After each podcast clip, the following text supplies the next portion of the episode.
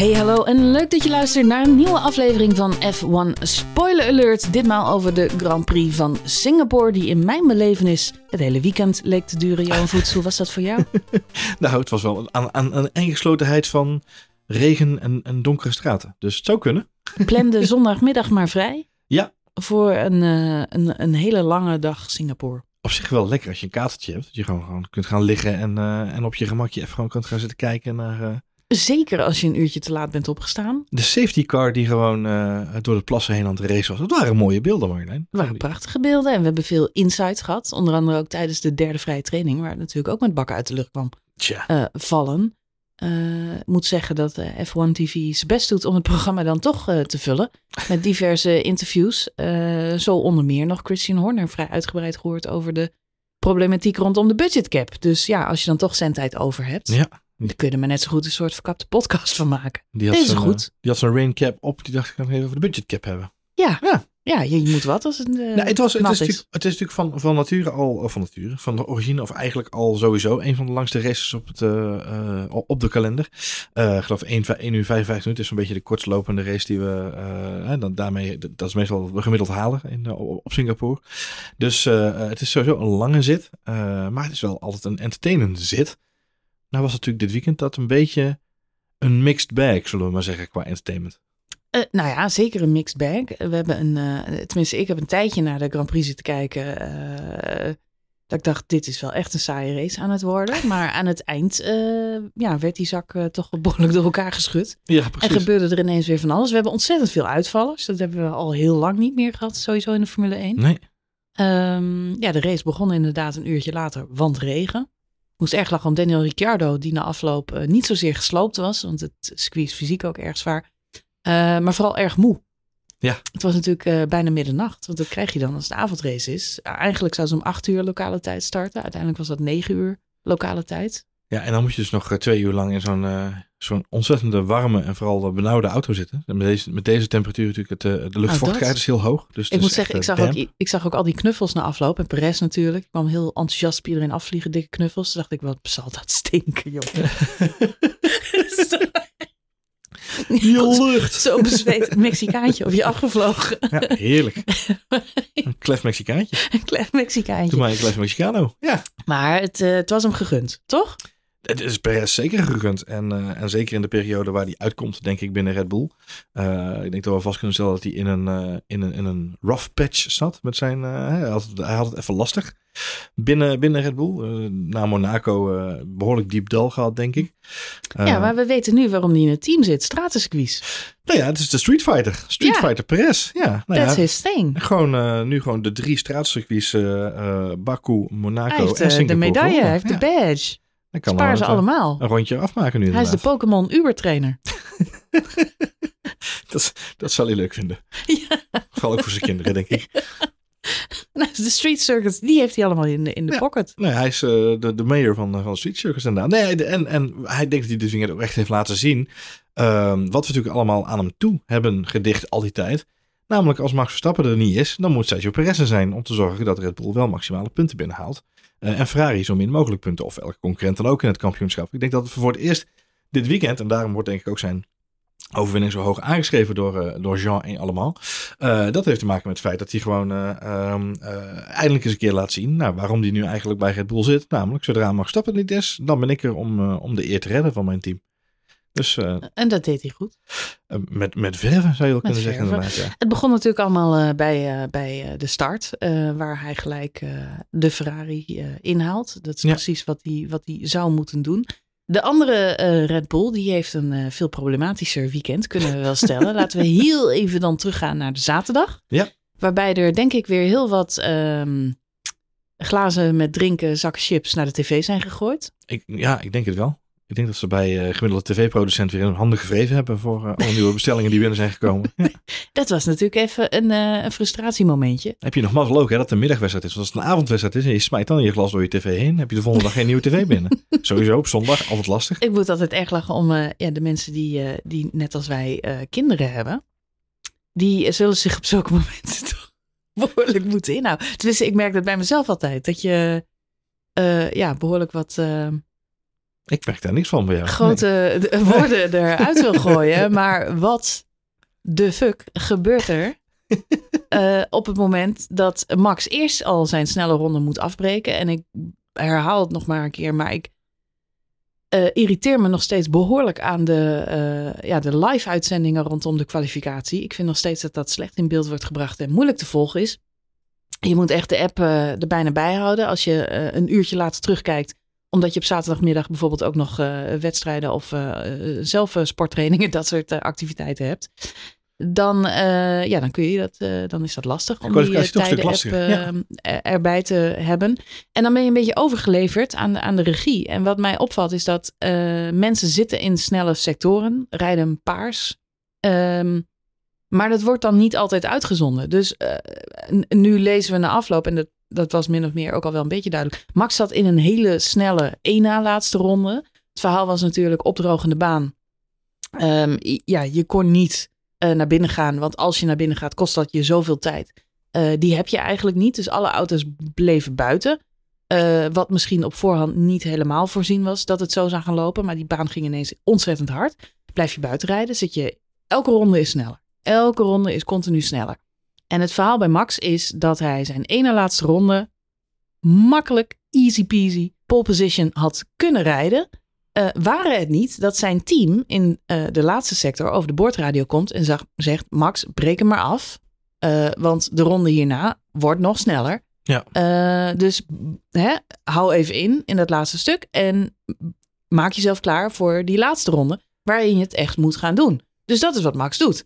Vergeet niet, sector 1 en sector 2 rijdt hij paars. Dat zijn allemaal dingen die we niet in beeld zien, die we missen. Die je na afloop terugleest of wat er gebeurd is. Of hè, zijdelings uh, komt het door. Hangt een beetje van de commentator af die je hebt. Ik moet zeggen, Engelse commentatoren zitten er over het algemeen wel goed bij. Hoor je dit soort dingen, maar je wilt het zien. Het is vreselijk frustrerend om, uh, om, om, om dat rondje van Max niet mee te maken. Maar goed, hij begint dan weer aan een volgende snelle ronde. Ook die wil je zien, dat zie je niet.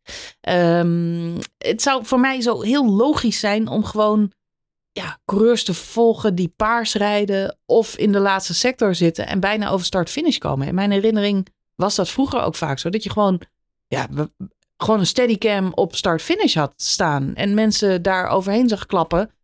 En die gingen rondendoor, die gingen rondendoor. Ik vind het nu, ik vind het verwarrend geworden hoe dat in beeld wordt gebracht. Ja, maar ik denk ook dat het te maken heeft met, het, uh, met de baan in dit geval. Hè. Dus uh, Singapore is ja. natuurlijk een lastig baantje om uh, goed in beeld te brengen. In beeld te brengen, dat Ik moet wel zeggen, er zitten een paar hele spectaculaire shots bij in Singapore. Ik denk dat er een paar hele mooie shots zijn. Ik denk dat ook een paar hele goede uh, shots zijn die laten zien hoe snel het echt gaat. Hè? Uh, maar ik denk ook dat het, dat het gelijk de uitdaging is van dit soort banen. Monaco je natuurlijk hetzelfde probleem. Dat je niet altijd even lekker kunt volgen hoe, wat, waar. Wie is er nou een snelle ronde bezig en wie, is er, wie rijdt er langzaam.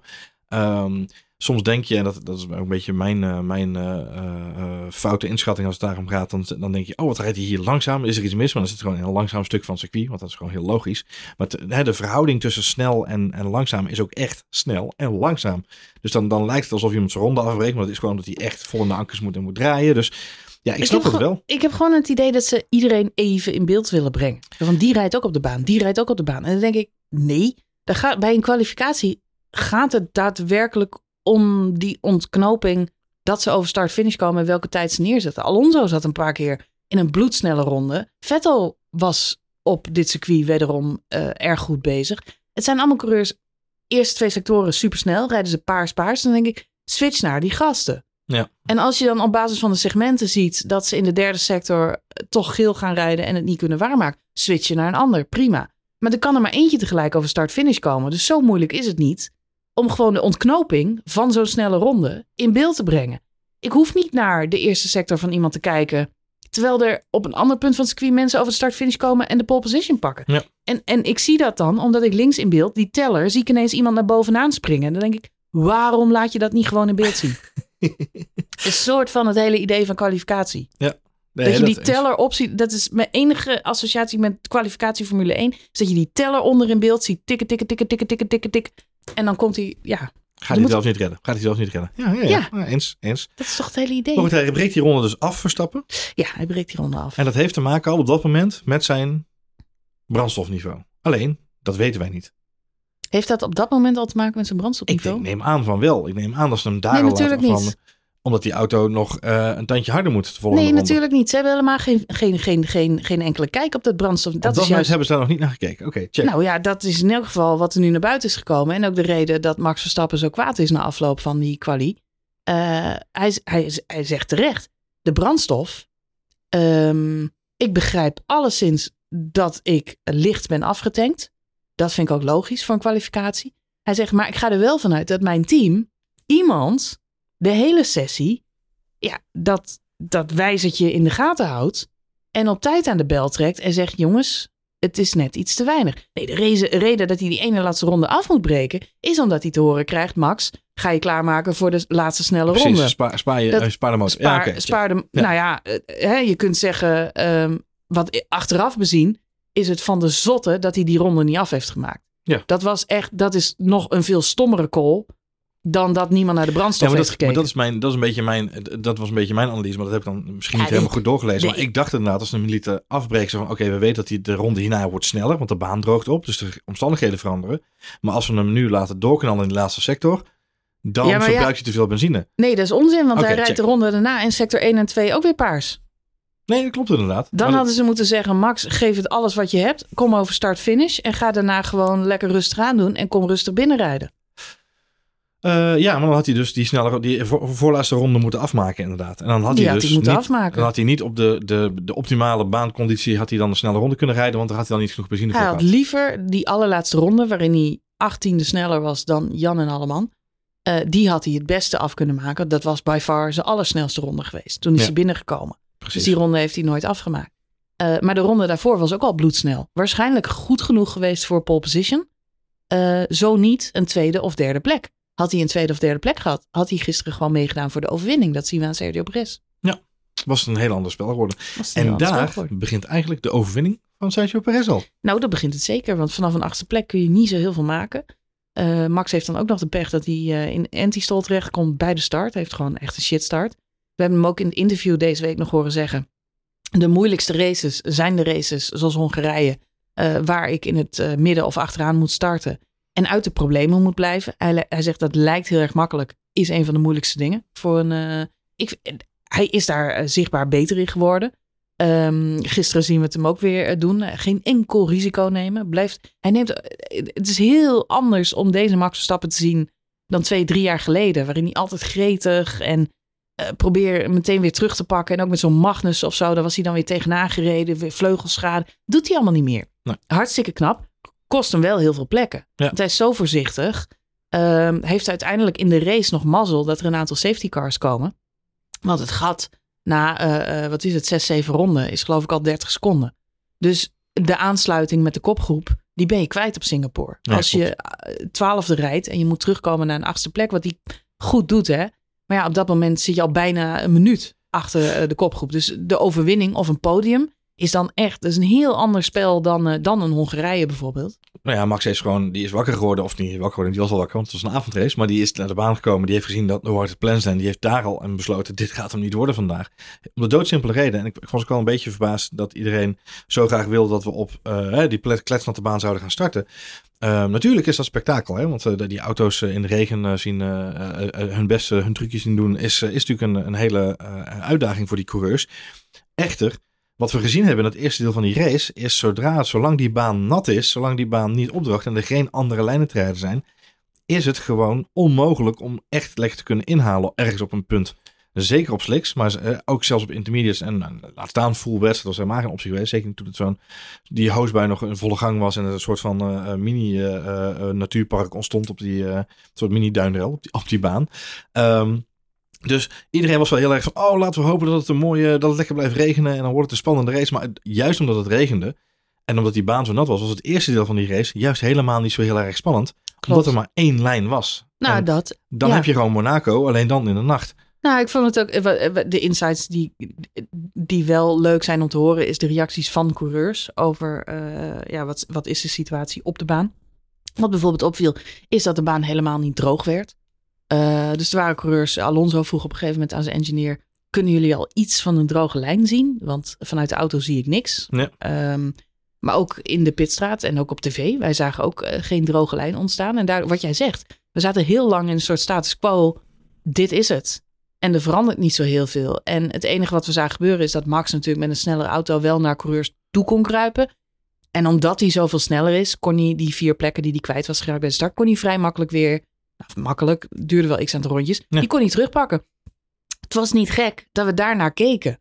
Uh, aan de kopgroep, uh, ja, er gebeurde niks. Perez uh, pakte Leclerc bij de start. En aan zich kun je zeggen, Perez en de Ferrari Boys hebben fantastisch gereden dit weekend. Wat mij wel weer opvalt, trouwens, Sainz kan het gewoon niet bijhouden. Nee. Leclerc sluit keurig aan, rijdt eigenlijk de hele wedstrijd, eerste helft van de wedstrijd, rijdt gewoon achter Perez aan. Ehm, Sainz zit heel snel weer op 6, 7, 8 seconden en heeft die safety car nodig om weer een beetje dichtbij te komen. Het is de zoveelste keer dat mij opvalt dat Sainz echt voor die derde plek weggelegd lijkt, lijkt ja. maar niet kan aanhaken. Het, is de, het verschil tussen uh, Sainz en Leclerc tekent zich nu aan het eind van het seizoen, vind ik, wel heel sterk af. Maar goed, het is logisch dat we de drie heren überhaupt niet in beeld zien, want het is gewoon saai. Ze rijden achter elkaar aan en er gebeurt niet zoveel. Ze doen het fantastisch. Ja. Ze rijden sneller dan wie dan ook.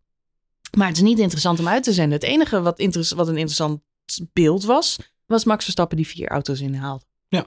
En ja, dan, was, dan was er al anderhalf uur voorbij. Ja, ja. ze hebben nog heel lang geprobeerd om Hamilton ook in beeld te brengen met, met Sainz inderdaad. Uh, dat was dan ook nog een soort van anderhalf seconde, eh, twee seconden op een gegeven moment. Uh, en dat werd dan steeds wat minder. Um, maar wat jij zegt inderdaad, Sainz heeft gewoon uh, op dit soort banen, ik denk ook dat het te maken heeft met het type baan. En, uh, en Charles Leclerc heeft dan toch net iets meer die, die guts in zich, denk ik, op dit, manier, op, op dit moment, dat, lef. Om achter Perez aan te rijden. En dan ontstaat toch een enorme buffer inderdaad. Um, ja, een soort gat tussen, nou op een gegeven moment loopt zelfs op naar, naar tientallen seconden naarmate de race vordert. En dat maakt het ook voor de kijker lastig om in te schatten hoe spannend het nou is. En ik zat op een gegeven moment echt kijken van is het nou, is het nou zit ik nou naar een saaie race te kijken? Um, of zit ik nou naar een, naar een, een, langzaam ontvouwende race te kijken? Ja, nou het verschil uh, met Science en andere cursus valt mij dan bijvoorbeeld ook op over de boordradio. Alonso informeert inderdaad, zie je al droge plekken. Uh, hè, krijgt ook de vraag van banden, hoe, waar denk je aan? Maar zowel Alonso als Verstappen geven op dat moment aan nee, absoluut intermediates. no way slicks. Terwijl Carlos Sainz niet lang daarvoor over de boordradio zegt, ik denk dat we in de buurt komen van slicks. Ja, nou dat is een goede call. Ik vind dat van die. Uh, ja, het zijn, het zijn kleine momentjes. En ik weet dat het niet heel veelzeggend is. Maar um, er zijn ervaren coureurs die vaak. Ja, uh, de insight hebben. Wat wel en niet wijsheid is. En er zijn coureurs die echt geen idee hebben. Nee. En ik vind Sainz zo'n coureur die ja, gewoon qua race intelligence op dit soort momenten. Ja, uiteindelijk, hij is natuurlijk niet naar Slicks gegaan. Overigens, uh, redelijk foutloos weekend van Ferrari. Daar moeten we ze toch een complimentje voor geven. Goed dat ze niet naar Sainz geluisterd hebben. Iemand die wel besluit om uh, ja, eigenlijk dat risico te nemen, is zo'n andere ja, rookie waarvan ik echt de soort van rookie. Ja. Race-intelligentie nog uh, aan het observeren ben, om het maar even zo te stellen. Dat is George Russell. Ja. Uh, natuurlijk mede ingegeven door zijn team. Ze hadden die niet helemaal uh, zelf bedacht hebben. Nee. Maar die durft het aan. En die gaat eigenlijk als eerste naar de gele bandjes. Wordt natuurlijk ook een beetje als uh, guinea pig, proefkonijntje gebruikt. Omdat hij eigenlijk zelf het hele weekend al kansloos rondrijdt. Ja. Hij verprutst het voor zichzelf. Uh, hij moet natuurlijk uit de spits starten. Ja. Uh, en maakt dan al gelijk in de eerste nou, slechte rondes... Hè? Slechte, slechte. Slechte kwalie. Vervolgens uh, onderdelen vervangen en, Precies, en motor vervangen en uit de spits starten ja. inderdaad. en verprutst dan zijn race eigenlijk vrij snel alweer met een contactmoment met Mick Schumacher. Die twee komen elkaar nog vaker tegen op de baan gedurende de, de race in Singapore. Zeker um, ook weer een, een, een, een fout ook van George Russell. Ja, nou, het is beide is, heren uh, racing incident kun je zeggen, maar absoluut niet. Ik erger me toch behoorlijk aan George Russell, die over de boordradio altijd de eerste is om te melden dat het niet zijn schuld was en dat hij uh, getorpedeerd werd, of wat zijn woorden dan ook zijn. Maar uh, zelfs de Britse commentator van uh, F1 TV was het niet met George Russell eens. Nou, dan weet je wel hoe laat. Nee, het is een, de, de move op Schumacher was volledig zijn fout. En het feit dat hij daar überhaupt mee weg... Ik vind het verbazingwekkend dat het een racing incident is, want dat is het niet. Weet je, als je Latifi penalty geeft voor wat hij doet, dan ja. is het daar voor Russell in feite ook wat mij betreft. Maar goed, dat terzijde. Hij verprutst daar dan ook grotendeels zijn eigen race. rijdt dan lange tijd gewoon lekker achteraan. En kiest dan inderdaad voor om als Bambi op het ijs met die mediums. Ronde 22, dat betekent dat we net 22 rondjes uh, op die het rondkachelen waren. Daarvoor had zijn ze al een keer geroepen. Ge geef maar eens aan hoe vroeg zijn ze al kwam met die boodschap. Uh, nou, George Russell probeert het dan als eerste En, en, en durft het dan aan. Het is dan nog wel echt te vroeg. We zien hem de pitstraat uitkomen en bijna die auto al tegen de muur aan parkeren. Dus grote gok. En jij had de, timing, de timings-app naast je liggen. Jij ja, de, zijn rondetijden waren ook shit, joh. Het was gelijk uh, het ging helemaal nergens over. Ik. Ja. Nee, dat was echt ja, niet best. Maar ja, dan heb je die keuze gemaakt en dan moet je er ook maar aan, aan committen. Maar eigenlijk had hij na een rondje weer naar binnen gekund. Het grappige is, dat duurt dus gewoon nog twaalf rondes voordat de eerstvolgende auto dan dus uh, uh, daadwerkelijk... Dus hij investeert twaalf rondes research en development in zijn slicks. intermediate, of sorry, mediums gaat hij naar buiten. Ehm, daar rijdt hij twaalf rondjes mee en dan komt het een klein beetje zijn kant op. En dan pas, ronde 34, gaat de eerste auto... Dus Pierre Gasly gaat dan ook over op, op slicks. Dus het geeft aan hoe groot die gok was. Ja, weet je, hij heeft er in het verleden natuurlijk resultaten mee bereikt. Met name in kwalificatie met Williams. dat hij natuurlijk een keer heel goed het juiste gok maakt op het juiste moment. Um, hey, en hij houdt, hem op, hij houdt hem op de baan, hè? Dus dat pleit voor, ook, voor hem. Ja. In tegenstelling tot Lewis Hamilton. Ja, ja, dat is waar. Ja, er nog wel een aantal. dus, zeggen, ook Max Verstappen ging gewoon lekker hard rechtdoor inderdaad. Vergist zich ook wat in het rempunt. Ja, nou goed, dat eh, was dan nog bij een safety car herstart. Maar, um, maar eh, eens, eens. Er waren er genoeg die uh, nou ja, een slippertje maakten dit weekend. Wat, wat heel duidelijk werd. En naarmate ook, hè, die slicks op een gegeven moment was het moment van slicks was daar wel. Uh, en met name rond de 34, 35, hè, rondom die safety cars, ging iedereen wel een beetje, was, was het omslagpunt daar. Alleen die baan was nog steeds niet, die lijn was er wel, maar buiten de lijn was het nog steeds hartstikke verraderlijk. En dat zag je, onder andere met Max Verstappen, uh, die inderdaad Lennon Norris uh, probeert te verschalken. Ja, dat is gewoon, dan gaat hij net iets van de lijn af. Uh, hij bottomt uit, zoals hij dat zelfs zo mooi zegt. Ja, dan ben je hem gewoon kwijt. En dat, dat risico blijft er dan nog steeds, omdat die baan nog steeds niet 100% droog is. Nog steeds geen opgedroogde kartbaan, zullen we maar zeggen. Even over Mercedes, want die hadden natuurlijk hele hoge verwachtingen van dit weekend. We hadden het net al over George Russell dat kwam niet uit. Kwam niet eens de kwalificatie goed door. Toch bijzonder opvallend. Ja. Um, Hamilton leek er even heel goed bij te zitten. Had zelf volgens mij ook sterretjes in zijn ogen. En dacht, dit wordt mijn weekend. Ik ga hier misschien wel pole position pakken. Aan de blikken in de paddock bij Mercedes. Um, tijdens de kwalificatie viel mij in elk geval af te lezen. dat ik dacht, die hadden er echt op gehoopt. Dat hier meer mogelijk was. En misschien ook wel tijdens de race. Ik zag ook wat voorspellingen van mensen die dachten dat het mogelijk was dat Hamilton eh, de race ging winnen. Kwam natuurlijk allemaal helemaal niks van terecht. Het was eigenlijk een beetje teleurstellend om hem zo uh, ja, rond te zien schuiven. Wordt bij de start ook alweer gepakt door Carlos Sainz gelijk. Heeft daarna uh, ook moeite om, om aan te sluiten, überhaupt in de buurt van het podium te komen. En dan is er nog die late ja, schuiver, ja. die we ook niet van, van Hamilton gewend zijn. Kost hem een extra pitstop om, om een nieuwe neus te halen. Hij kan wel blijven rijden. Um, en dan hebben we nog op het laatst van de wedstrijd, en dat ja, vind ik ook weer zo'n raar momentje, besluit Mercedes om George Russell toch weer een keer naar binnen te halen. Uh, op rode banden te zetten en vanaf een veertiende plek die snelste ronde af te laten pakken. Ja. Is dat een beetje kinderachtig? Is dat weer suikerig Mercedes gedrag? Ik, ik heb daar mening over.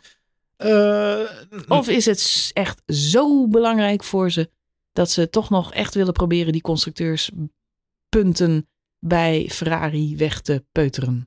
Ik denk constructeurs aan de ene kant, maar ik denk ook dat we niet moeten vergissen in uh, de strijd om het kampioenschap. De derde plek van George Russell. Uh, George Russell stond tot gisteren uh, gewoon nog in de nabijheid van Sergio Perez. Sergio Perez pakt gisteren 25 punten erbij. Dus Sergio Perez stond even uit mijn hoofd op 210 in het kampioenschap gisteren. George Russell stond op 203 gisteren. En nu nog steeds, want hij heeft geen punten gepakt natuurlijk gisteren. Um, dus het, het, gat tussen de beide heren is slechts 23 uh, sorry, nu uh, uh, 32 punten. Dat is nog te overbruggen natuurlijk voor George Russell. Dus het nou, is een beetje farfetched. Ja, nee, het is farfetched inderdaad. Maar het kan dus wel. Kijk, het is, hoeft maar een beetje tegen te zitten bij Sergio Perez. We zien het gisteren ook met Max uh, natuurlijk gewoon gebeuren. Je hoeft maar net even een, een, een klote weekend te hebben. En uh, George Russell maakt nog gewoon kans op een derde plek in het kampioenschap. Dus ik denk dat dat de achterliggende reden is. Uh, waarom ze toch die, die ja, misschien een beetje vreemde manoeuvre uithalen om die snelste ronde te ja, Maak nog kans, maak nog kans. Perez wint die race gewoon. Ja. Dat, 25 eh, punten, dat is een tik. Dat is een behoorlijke klap en dat zie je ook terug. Hè? Dus nu is 235 om 203. Dat is natuurlijk een, een flink gat. Uh, maar tegelijkertijd niet een overbrugbaar, niet ja, onoverbrugbaar gat. Sterker nog, Sainz uh, zit hem op de huid. Want die staat op 202 punten. Dat is maar één puntje verschil. Nou, en dat is de volgende stap. Misschien had Carlos Sainz hem nog kunnen pakken. en dan had Carlos Sainz naast George Russell gestaan. Dus ik denk dat er heel veel voor te zeggen valt dat ze het doen. is het leuk? is het sportief? ja, dat is voor de, voor de eye of the beholder. voor je eigen interpretatie. Ik vind het kinderachtig gedrag in de marge. Ik vind het echt... Mercedes, Mercedes, niet mijn team. A-sportief. Ik, uh, nou goed. Ik heb er een mening over. Voor, voor Lewis maar... Hamilton geldt gewoon dat hij, uh, en dat is een beetje jammer van de, van de hele situatie. Voor Lewis Hamilton had er daadwerkelijk meer ingezeten. Dat alles wees erop dat hij gewoon echt in ieder geval een podium had kunnen pakken. En ja, hij schiet zichzelf meerdere malen in de voet gisteren. En dat is gewoon echt, echt verschrikkelijk zonde. Dat is het uh, zeker. Maar Fernando Alonso zou zeggen, karma. Fernando Alonso, die dit weekend natuurlijk 350 races op de teller wist te zetten. Een mijlpaal. Mocht daar een mooie foto van maken. Met zijn collega Formule 1 coureurs. Wilde zelf, naar ik heb begrepen, heel graag dat Max Verstappen en Carlos Sainz naast hem kwamen staan. Ja, zijn kinderen, denk ik. Ja. zijn kinderen.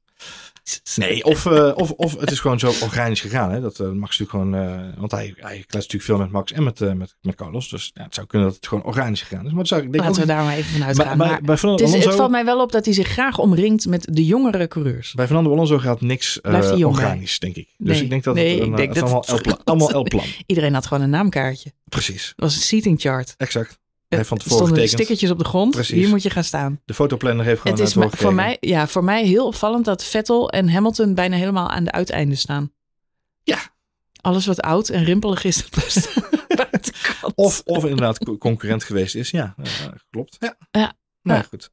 Uh, mooie mijlpaal. Uh, zag zou, er zou die ook, dan ook croppen zo? Zou die dan ook zo, ja, ja, ja. het is gewoon net als met een verkering. Of een als, net iets ja, te klein lijstje kopen. Als het dan uit is tussen je zusje en, en, en die gast ja, dan kun je die gasten gewoon afknippen. Oh, dat, dat, is het idee. Toch tegen zo'n PA zegt, kun je net iets te klein lijstje kopen. Gewoon dat, die zijkanten eraf moeten. Oh, sorry, het past net Ja, sorry jongens, het past net niet. Ik weet niet meer uit mijn hoofd. Volgens mij staat Yuki Tsunoda en staan er nog Mick Schumacher. Die staan ook helemaal rechts. Maar ja, zeg maar de mensen die, die per se in de... In de Mick Schumacher is confronterend, hè, want hij heeft nog tegen zijn vader gereest. Ja, precies. Maar ja, dat geldt voor Max ook. Ik kan het zeggen. Maar ja, Max is de betere van de twee.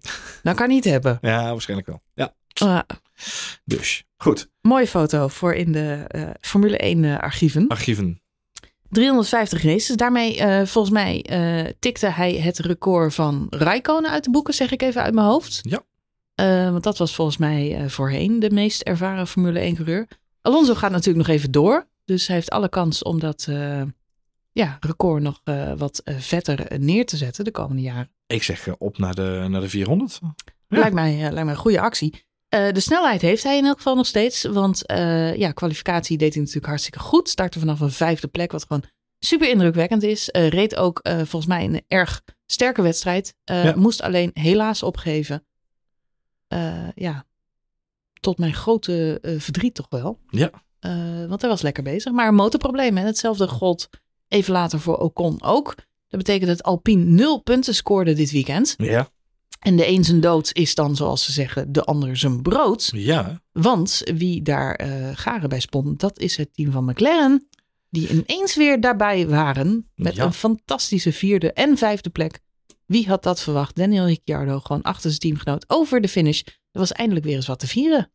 En, en, en rightfully so, want het is zowel voor de coureurs als van het team een fantastische prestatie. Uh, Daniel Ricciardo had natuurlijk niet echt een heel erg lekker weekend. Uh, is, zoals we al vaker gezegd hebben, niet de meest begenadigde regencoureur uh, in dit soort omstandigheden. Lando Norris heeft daar ook niet de beste track record in de afgelopen twee jaar, zullen we maar even... Meestal omdat hij op de verkeerde banden staat. Subtiel omschrijven, inderdaad. maar Lando deed het gisteren echt heel erg goed, vond ik. Uh, zeker uh, om die vierde plek uh, gewoon te blijven bewaken. hij bleef daar met de hand en tand. in eerste instantie reed hij goed weg bij het setje met, met Hamilton. achter hem ook onder andere. Um, ik denk dat uiteindelijk hij het gewoon van de twee wederom het beste heeft gedaan dit weekend. Maar het team van McLaren, wat zij goed voor de bakker hadden, is op het juiste moment die pitstop pakken. Eigenlijk net lang genoeg naar buiten gebleven met die intermediates. Uh, en met het geluk, of het geluk bij een ongeluk van, uh, van, van Yuki Tsunoda, de safety car die ontstond, waren zij eigenlijk nog de enige die op dat moment naar binnen gingen en nog, nog moesten pitten. En door die versnelde pitstop kon Daniel Ricciardo bijna het grootste deel van het middenveld, want hij reed volgens mij P11 toen hij naar binnen ging, kon hij het grootste deel van het middenveld uitzwaaien toen hij weer naar buiten kwam. en kwam uiteindelijk keurig op volgens mij P7 uiteindelijk weer naar buiten, P6. Ehm, ja, en dan is het met het uiteindelijk weer wegvallen van Max daartussenin een hartstikke mooie 4-5. Betekent dat Daniel Ricciardo nu op 29 punten komt te staan. Hij had er 19. Ja. Nu heeft hij officieel meer punten dan tattoos. Nou, kijk, dat is een groot voordeel voor hem. Hij heeft 21 tattoos nou. Ja, nou, gelukkig. Dus dat is toch uh, een opsteker voor hem. Twee opties. Uh, nou, de tattoo shop om bij te tatoeëren. Uh, ik denk niet dat hij het uh, in balans wil houden. Ik denk Misschien graag uh, dat hij voor het eind van het seizoen nog wat meer punten wil Misschien sprokkelen moet dan hij. Cyril nog eens bellen. Hij is nog steeds hard aan het solliciteren in alle interviews, heb ik zelf de indruk. Is volgens mij bij de camera's niet weg te slaan. Ik zie journalisten af en toe een beetje geïrriteerd. Zo met zo'n handje wuiven van Daniel, je bent klaar. Je mag weg. Het is goed zo. Het is goed zo. is goed zo. Ja. Het is goed zo. Je hoeft niet nog. Nee, ma- je mag. Maar goed, laten we nog maar even van hem genieten nu het nog kan. Nog steeds niet zeker van een stoeltje voor volgend jaar. En ehm, de plekjes beginnen zich te vullen, Johan. Daar hebben we het zo nog even over. Lando Norris, die eh, doet ook weer goede zaken. Eh, staat inmiddels op 100 punten. Kijk. hopla. Is daarmee officieel nu best of the rest. Als je er even vanuit gaat dat boven hem de Ferraris, Mercedes'en en Red Bulls natuurlijk staan. Is Ja. hij eh, zevende in het constructeurs. En die plek die lijkt ook wel redelijk stevig. Want Ocon staat daaronder op de achtste plek met 66 punten. Nou, dan staat hij redelijk goed eh, verankerd inderdaad. Ja, toch? Dat is, eh, zeker als je kijkt naar de prestaties van McLaren de afgelopen week. Er zit toch een Absoluut. lichte stijgende lijn in. Zeker voor Lando Norris. Ehm, ja, dus dat is een grote kans dat hij daar gewoon wel in de buurt blijft. Mag En ja, klaar. Lewis Hamilton zou dan nog gewoon... eh, nou, we gaan nu wel naar een hele serie sterke circuits voor Lewis Hamilton toe. Dus dan wordt het wel... Ja, als hij Lewis nog kan inhalen, dat is de vraag. Hij staat op wordt 170 punten, dan moet hij wel heel hard zijn best doen. Ja. Eh, toch, toch voor, voor, voor zowel voor Daniel Ricciardo zeker niet, maar voor Lando Norris ook niet de, de plaats waar hij zichzelf had ingetekend, denk ik, aan het begin van het seizoen. Nou, zeker niet omdat er dit jaar helemaal geen eh, podia aan vastzitten. Nee. Norris is de afgelopen twee jaar toch wel een beetje ja, terecht Terugkerende verwend geraakt. Ja. Ja, met, met, met podia. En dat gun ik hem ook heel erg. Maar die zitten er dit jaar niet echt in. De Nee. punten worden toch een beetje verdeeld tussen de bekende teams. Eens? Ja, eens. Helaas. Laten we hopen dat er nog surprise podia aankomen. Misschien als die wereldtitels en constructeurtitels eh, zeker zijn. In de tas zijn. Ja. Ja, dan kan er toch wat meer eh, ja, risico worden genomen. En wat minder misschien bij de coureurs die het al eh, in de pocket hebben. Dat, dat gaan we zien. Ik kan me bijvoorbeeld zo voorstellen als Max zeker is van de, van de wereldtitel. Dat Sergio Perez zijn thuis Grand Prix mag winnen. Ja, dat kan ik me ook wel voorstellen inderdaad, ja. Al is het alleen maar om de merchandise daar eh, een dat levert natuurlijk veel geld in het Ja, laadje. Ja, precies. Aan de andere kant, ja, voor Max wel een lastige. Want het is zijn baantje.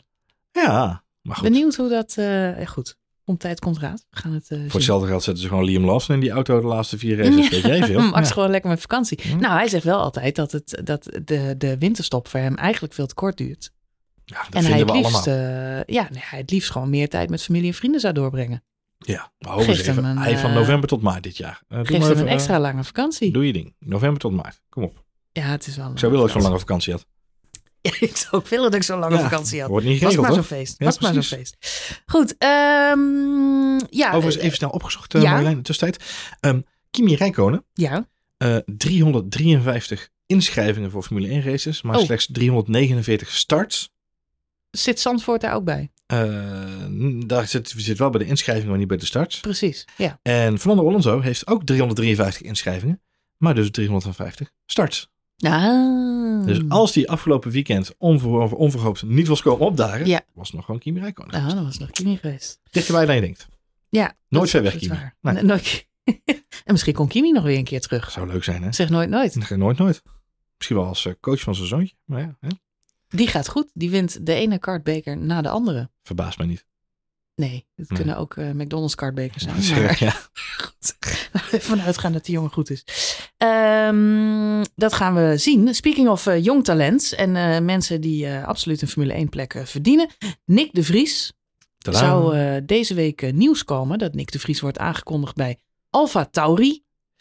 Ja, dokter Helmoet heeft zijn mond weer voorbij gesproken. Dat zou natuurlijk goed nieuws zijn voor ons Nederlandse fans. Ja, nou, dat is ongekende wilde voor Is leuker Nederlandse dan fans. Williams, leuker dan Alpine. Ja, het over ja, eens? ik- ehm, ja, omdat het, omdat het qua team, vind ik het een leuker team. Vind ik het wat dichterbij liggen. Maar als ik kijk naar de prestaties, zou ik hem dan toch misschien eerder nog, op basis van dit seizoen, bij een ander team, bij Alpine liever zien. Want die doen het moment nog wat beter dan. AlphaTauri. Ehm, maar uh, daarentegen is de lat bij, Al bij AlphaTauri sorry, uh, in die zin iets makkelijker instappen. Dat is natuurlijk omdat de Yuki daar gewoon voor een jaar verlengd is. Als hij daar echt wat kan laten zien, is er natuurlijk een scenario dat hij ooit teamgenoot van Max Verstappen wordt. Uh, dat zie ik niet zo heel snel gebeuren, moet eerlijk zijn. Waarom niet? Maar hij zegt nooit nooit. hij is al op leeftijd. Uh, dus hij is 27. Uh, hij is twee jaar ouder dan Max. Ja, maar Max rijdt ook al een tijdje weer voor Red Bull nu. Dus, uh, oh ja. Max is op zijn retour. dat zeg ik ook niet. maar ik denk wel. In de dat, nadagen van zijn carrière. Ik denk wel dat het voor, voor Nick. Weet je, ja, het, het, je, je, je, loopt het risico dat je hetzelfde scenario krijgt als met Pierre Gasly. Dat hij dan net de, de, nummer twee bij Max, dat, dat, dat, is een, dat zijn behoorlijk grote schoenen om te vullen. Dat hebben we gemerkt de afgelopen jaren. Um, dus ja, dan is de vraag, eh, kun je daar instappen? Dan is als het antwoord ja is, dan moet nog steeds blijken als je er eenmaal in staat in die schoenen, of ze ook blijven zitten. Het kan zomaar zijn dat je schoentjes dan toch ineens weer van je voeten afvliegen halverwege een seizoen. Vraag het maar aan Pierre Gasly of Alexander Albon. Um, ja, en dan kom je in zo'nzelfde scenario terecht. Dus ik weet niet, ik, ja, ik vind dat een hele moeilijk om in te schatten. Maar desalniettemin, het feit dat hij bij gewoon zo'n middenmotorteam nu kan instappen en uh, zijn ding kan gaan doen, is te gek. En ja, een beetje met Yuki heeft hij gewoon een teamgenoot waar die iets meer grip op kan hebben, denk ik, uh, dan een Ocon. Zeker omdat als je bij een, uh, bij een Alpine terechtkomt, daar zal het ook voornamelijk over Esteban Ocon gaan. Uh, met lunch, ontbijt en, en diner. Vanwege zijn Franse roots. Dus je komt natuurlijk wel in een, in een compleet Frans bedje. Dat is wel waar. Misschien is de stoelendans dan toch logisch hoe die uitpakt. Ik kan Nick de Vries wel begrijpen dat hij liever naar Alfa Tauri dan Alpine gaat. Alpine natuurlijk afgelopen weken niet echt positief in het nieuws. Een beetje wespennest, gaan raar met mensen om. Niet per se de plek waar je heen wil, maar autotechnisch uh, denk ik dat je daar wel een, uh, een goede keus maakt door daar uh, te gaan rijden. Kijk maar naar de prestaties van Alonso, ook weer dit weekend. Um, deze hele stoelen dan zou wel betekenen dat dan natuurlijk Pierre Gasly doorschuift naar Alpine. Alpine, ja. Dus hoe Frans wil je worden? Franser dan dit kan het bij, bij, bijna niet. Nee, behalve als ze Frans-Duits uh, het volkslied laten zingen. Maar, ja, ja, een beetje Frans, een beetje Duits. Of la lange Frans. Misschien ook. wordt Mick wel testcoureur bij Alpine. Nou ja, die zal wel een niveau moeten gaan zoeken, ben ik bang. Heb je toch een beetje Frans ja. en een beetje Duits. Nou, zul je het hebben. Dus, is ook nog een scenario. Is ook nog een optie inderdaad. Ja, Ricciardo nog steeds nergens getekend, maar die zou dan nog bij Haas terecht kunnen of bij Williams. Ja. Ik denk dat beide voor hem geen optie zijn qua stap in zijn carrière. Ik denk dat hij vooral heel graag in de Formule 1 wil blijven. Het zal hem niet eens zo heel veel uitmaken. Nee, maar als hij de keuze krijgt om testcoureur te worden bij Mercedes of uh, instappen bij Haas, dan ben ik benieuwd wat hij gaat doen. Want het is wel zijn ego. En, dat, en dat moet ook mee, hè, dat ego. Dat verhuist ja, ook dat, mee. dat uh, verhuist wat, ik, mee. wat mij verbaasd heeft de afgelopen twee weken is het gerucht dat uh, Nico Hulkenberg in contention is voor het stoeltje bij Haas. dat heeft me echt verbaasd. Mij ook. Um, ik, ik zou niet weten waarom. Ja, dat zijn twee hele goede vrienden. Wat echt een hilarisch ding. Dan hebben we dus Gasly en Ocon, die elkaar de tent uitvechten. Ja. En Magnussen en Hulkenberg. Ja, het enige wat eraan ontbreekt voor 2024 om te zorgen dat we Verstappen en Hamilton in één team zetten. Wauw. En dan hebben we gewoon een soort fight club. En dan is alle kumbaya van dit seizoen vergeten. Dat is leuk, dat is F1 Fight, Fight Club. Met een F1 eentje. Fight Club. Ja, leuk. Leuk. Ja, dat wordt pittig. Maar misschien is het precies wat Formule 1 nodig heeft. Behalve 26 races en 800 sprintraces. En... Wel handig. Als we dan Stroll en Latifi ook in één team zetten, dan hebben we gewoon de, de geldzakken achteraan rijden. Ja. Handig. Nee, Latifi is weg straks. Ja, dat weet ik. Maar ja, het is handig als er iemand nog een beetje die rekeningen betaalt. Er gaat natuurlijk een hoop mis als een hele ja. teams gaat knokken. Nee, Hulkenberg heb ik echt, uh, als ik Schumacher zie rijden, dit weekend denk ik ook van ja, Mick, weet je, je moet het er wel is jong talent. Waarom zou je jong talent eruit stralen voor zo'n, ja, sorry, met alle respect, ik vond Hulkenberg fantastisch. Dat was een soort lichtpuntje in coronatijd. Dat hij als supersub uh, in kan vliegen. Jazeker. Ja, dat was hij, uh, geweldig. En nieuws en harten. En ik zie hem nog daar aankomen met zijn roze overal. En, en helmen moest allemaal snel geregeld worden. En heerlijk. Maar ja, inmiddels wel echt over de top heen. Ja. In al die invalbeurten ook geen indruk kunnen maken. Uh, ja, en dan kijk ik naar jonge gasten. Laten we alsjeblieft doorselecteren. Ja, nou, hij heeft net zoveel punten als uh, Niklas Latifi. Dus kijk, ja. als je tweevoudig wereldkampioen bent, of eenvoudig zelfs, ja. of viervoudig, dan mag je voor mij nog heel lang in Formule 1 rondrijden. voor wereldkampioenen is altijd een plekje, kan ook altijd een plekje gemaakt worden. Maar ja, als je nog niet eens ooit een podium hebt gemaakt, gereden. Nee, ja, kijk, bij, bij Hulkenberg is het gewoon... Uh, ik vraag me gewoon af wat dan de meerwaarde is binnen zo'n team. Ik weet dat er heel veel fans van Hulkenberg zijn hoor. die ook naar deze podcast luistert. Jazeker. En, het is een beetje onaardig, maar... Uh, nogmaals, groot, grote fan van. Maar nogmaals, uh, als je de keuze hebt uit jong talent doorschrijven... of de, de vraag is, wat wil Haas dan met dat team uiteindelijk gaan bereiken? ja, Waar wil je heen met dat team? Is toch ook gewoon bezigheidstherapie? Ja, dat, zo komt het dan wel over. Als je zegt, we zetten er nog gewoon iemand bij die, we, die al, uh, wat zeg ik, twee jaar lang uit de sport weg is. Uh, drie, bijna Misschien kan Grosjean weer terug. Zo, mijn hart wil Grosjean. uh, nou ja, dat zou in ieder geval een beetje, een beetje meer feisty erin gooien. Nee, Grosjean die komt niet meer terug, denk ik. Um, maar Hulkenberg terughalen, als je Schumacher hebt zitten, vind ik een beetje, ja, een beetje raar. Het is raar, hè? hey, we, rijden, we rijden een mooie golf. Laten we een polootje nemen. Ja, dat vind ik een beetje typisch. Ik vind het ook raar. Goed, wat ook een raar verhaal was dit weekend. Uh, even heel kort, maar dat zijn natuurlijk alle insinuaties aan het adres van Red Bull. Dat zij de budgetcap overschreden zouden hebben. Ja. En dat zou dan al gebeurd zijn in het seizoen 2021. Die geruchten kwamen ineens uh, vrij nadrukkelijk in de pers. En dan met name de gevolgen daarvan. Want als dat waar zou zijn, dan zou Verstappen bijvoorbeeld zijn wereldtitel uh, met terugwerkende kracht nog moeten inleveren. Lewis ja, Hamilton alsnog wereldkampioen. ja. ja, iedereen in paniek natuurlijk. Krijgen ze toch nog gelijk. Uh, en het zou zelfs uh, implicaties kunnen hebben voor de titel van dit jaar. Waar die dan uh, ja, die, die, die gevaar loopt. Christian Horner inmiddels gereageerd op, op al deze berichtgeving. Hij zegt, ik vind dit, nou ja, zo diep bedroevend, raar en slecht dat dit naar buiten komt. Uh, wij, uh, ja, die, die aantijgingen, uh, het moment waarop ze komen, ja, kan niet anders dan gepland zijn. Het was dit weekend het eerste weekend waarin Max Verstappen wereldkampioen kon worden. Um, het verhaal met de budgetcap is dat er op dit moment gewoon een audit gedaan wordt, zoals elk jaar. Die audit is nog in volle gang voor alle teams. Dan wordt er naar de boeken gekeken, de cijfertjes. Christine Horder legde uit. Dat is allemaal niet zo makkelijk. Want wat er in de budgetcap valt, is af en toe gewoon grijs gebied. Denk aan um, side events, uh, demo-auto's, uh, uh, wagenpark, oude auto's. nou ja, goed, iemand die ooit penningmeester is geweest of met boekhouding te maken heeft gehad, weet dat dit een hele ja, grote documentatiemap met cijfertjes is.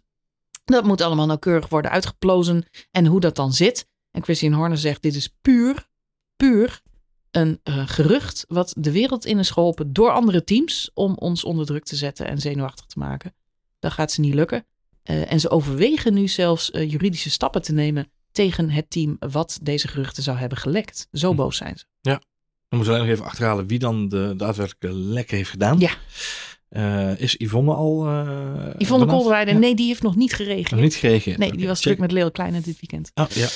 Dus, wie, niet, wie niet? Wie niet? Wie niet? Ja. Uh, nee, ja, kijk, geruchten, geruchten. En uh, belangrijke uh, connotaties zijn natuurlijk dat hè, de gradaties van die straf zijn afhankelijk van de overtreding, de marge daarvan. Ik geloof dat je 5% is de marge die, die er dan is voor lage straffen. En alles boven de 5% zijn dan gelijk de hoge straffen. Dus constructeurspunten die afgepakt worden, of titels die afgepakt worden, of disqualificaties van kampioenschappen, dat valt allemaal boven die 5% regeling. Dan praten we over een bedrag van 7 miljoen euro, hè, dat is 5%. Um, Helmut Marko heeft ook zelden overigens toegegeven hè, in de, in de uh, Oostenrijkse media. Uh, heeft hij ook laten weten van, joh, luister, er zijn gewoon, we hebben een aantal vragen neergelegd bij de FIA op dit moment omtrent de budgetcap. Uh, en als er twee daarvan aan onze kant goed geïnterpreteerd zijn, dan zitten we zo ver onder die budgetcap dat we ons sowieso nergens zorgen over maken. Ehm, maar dan nog zijn er altijd vraag, vraagtekens bij zo'n bij zo'n budgettering, hoe dat dan zit. de andere mogelijke overtreder in deze hele saga zou dan Aston Martin zijn. Nou, ik weet niet waar die dan het geld aan uitgegeven hebben vorig jaar. niet aan een goede auto in elk geval. Ik denk, ik denk aan zonnebrillen voor Lens. Ik weet het ook niet. maar misschien aspirines, uh, migrainemedicijnen voor de rest van het team. Ik weet het niet. Uh, maar het ook niet, niet aan zijn kapper in elk geval. Het is niet opgegaan aan performance van de auto.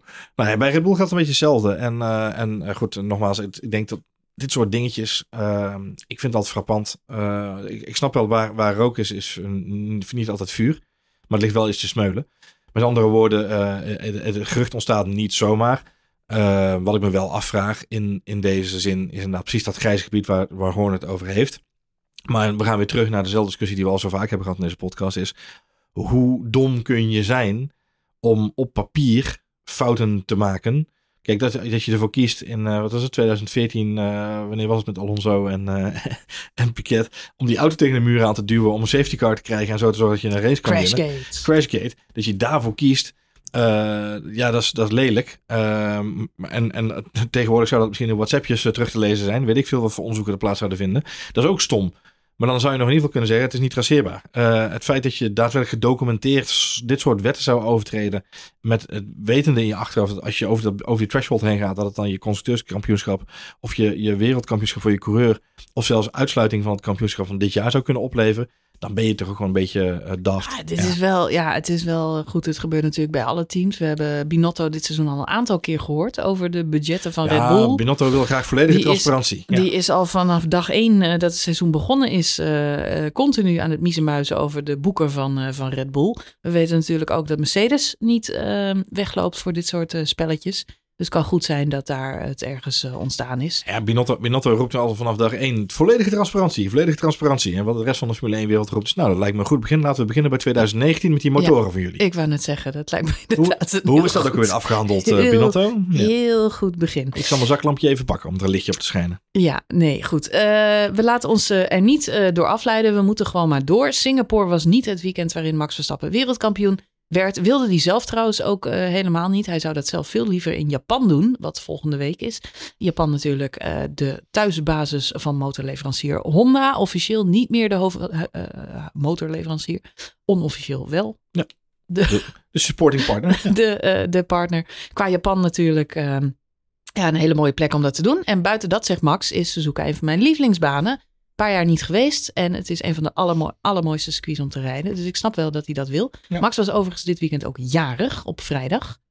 Uh, ik moest erg lachen om de uh, story van uh, Lennon Norris. Die ja. hem feliciteerde op vrijdagmiddag. Maar daarnaast ook de side note maak, maakte. Maak je geen zorgen over vanavond.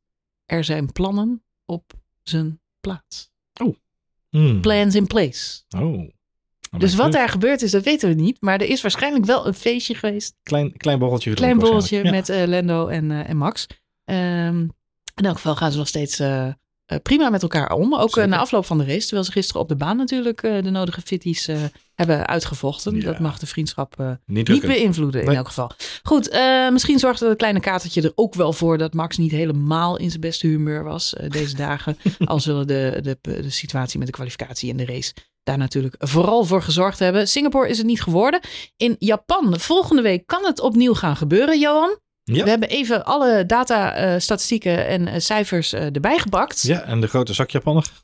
precies, en de nodige berekeningen gemaakt. Het is eigenlijk heel simpel. Max moet winnen en snelste ronde pakken. Dan is hij sowieso zeker van de titel, ongeacht wat er op plek 2, 3 en daaronder verder gebeurt.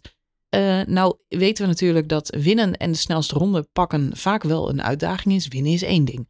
Dat uh, zie ik ze eventueel nog wel doen.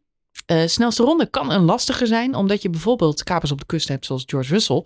Die ineens in de laatste ronde besluiten, hé, hey, we pakken hem gewoon af, omdat we het kunnen. Of Toto Wolff die in één keer in een derde auto springt. En oh, dat verbaast me niks dat ze nog gewoon afpakken, omdat ze het kunnen. Dat kan, dat iemand zo lafhartig is in die laatste fase van de wedstrijd. Um, in dat geval moet Sergio Perez gewoon tweede worden, Johan. Is er ook helemaal niks aan de hand. Gewoon een 1-2 in het land van Honda, dan ben je gewoon safe. Dat uh, zou ook lekker zijn voor de constructeurs, die dan uh, aanzienlijk dichterbij komt. Echter, als Ferrari 3 en 4 worden, is er nog geen constructeurstitel in nee. Japan. Dat zou dan wel jammer zijn als Ferrari het echt slecht doet, kan uh, Honda misschien ook dat feestje met Red Bull vieren in, in ja. Japan. Gefeliciteerd met jullie eerste wereldkampioenschap bij de constructeurs. Dat we niet betrokken waren bij het geel. Oh, dat nou er geen goed. Honda had Ze zullen dan alles in de weer stellen om ze toch uh, dat gevoel te geven. Dat ze ik denk dat ze zeggen, zak er maar lekker in. Ja, nee, ja. dat zullen ze niet doen. Dat komt helemaal goed. Dus, uh, maar Leclerc mag geen tweede worden. Als Max nee. wint en Leclerc wordt tweede en Max pakt niet de snelste ronde, dan is het nog even spannend. Dan gaan we naar, is het Austin de week erop? Of Austin, twee weken? Mexico. Ja. Dus dan gaan we gewoon uh, gaan we naar het Amerikaanse front. Het is ja. niet anders. Ah, er is nog uh, kans genoeg. Volle bak. Volle bak. Wel vroeg opstaan volgende week. Ja, ochtendgeestje. Ook wel eens een keer lekker. Zeven uur uit mijn hoofd? Of zes ja, uur? Nee, zeven uur ochtends. Zeven uur. Ja, ja. Oh, van de mee. Vroeger was het zes uur. Dat is wel voor het eerst sinds uh, 1998 dat ik met uh, toch uh, gezonde wedstrijdspanning ga kijken naar Suzuka. Op dat uur van de ochtend. Gezonde wedstrijdspanning. Ja, gezonde wedstrijdspanning. Gezonde wedstrijdspanning, ja. Uh, Suzuka is van oudsher een circuit waar vaak het wereldkampioenschap beslist wordt, trouwens. Ja.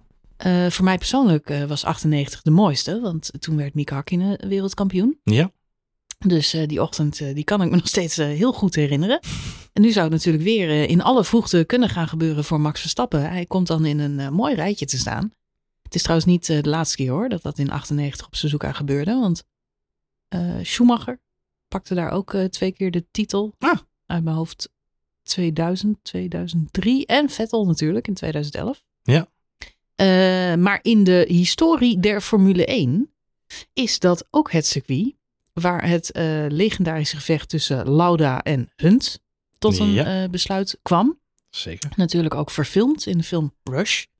en het is ook de Grand Prix waar Prost. Senna Prost. Ja. Senna Prost. Ja, ja, ja. 1989. Precies. Waar ook het kampioenschap beslist werd. Ja, zo spannend wordt het hier niet. nou, laten we het hopen. Van Want uh, Leclerc kwam, kan, kan Max wel van de baan rijden, maar ja, daar wint hij niks mee. Nee, komt hij geen steek verder. Nee.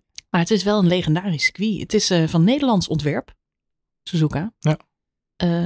gemaakt, ontworpen echt als een testcircuit voor Honda. Nou, kijk. Nou ja, dat dus, zou dan op het lijf geschreven zijn. Ik net zeggen, die moeten de, de baan toch op hun duimpje kennen? Nou, laten we dan maar goed op tijd naar bed gaan komen. Ik heb er wel weer zin in Suzuka. Ik heb Suzuka echt gemist. Ja, ja, dat zei ik ook over Singapore. En toen dacht ik dit weekend toch ook van, nou... Maar vroeg opstaan heb ik niet gemist. Nee, dat dan weer niet inderdaad. maar voor Suzuka mensen moet je het een beetje voor over hebben. Ah, dat is wel, jongens. Hè? Lekker koffie, koffie, kopje thee, jus eitje erbij. Komt, er wordt, een mooi, wordt een mooi Formule 1 feestje, mensen. Gewoon winnen moet Max. En uh, dan komt het goed. Zo niet, dan toch. Zo niet, dan toch. Dan gaan we naar uh, Amerika volgens mij, hè? Ja, Austin inderdaad. Ja. ja. Nou, kan ook gewoon. Goed, uh, we gaan afronden uh, deze aflevering van F1 Spoiler Alert. Mocht je willen reageren, dan kan dat zoals altijd via onze Telegram chat. Ja. Zoek even naar F1 Spoiler Alert. Zeker. Kan zit ook op Instagram. Via Instagram, F1 Spoiler Alert. Zeker. Twitter, ja, Twitter F1 Spoiler uiteraard. Alert. Ja, leuk. Facebook, F1 Spoiler Alert. Zeker. Hives. Overal. Hives? Ja. Hebben we dat? Nou, soms. Een beetje kriebel op mijn rug. Maar het mag ook gewoon naar onze persoonlijke Twitter-accounts. Marjolein met de lange ei of Johan Voets. Met de lange oe. Met de lange oe. Heel erg bedankt voor het luisteren en tot volgende week na de Grand Prix van Japan.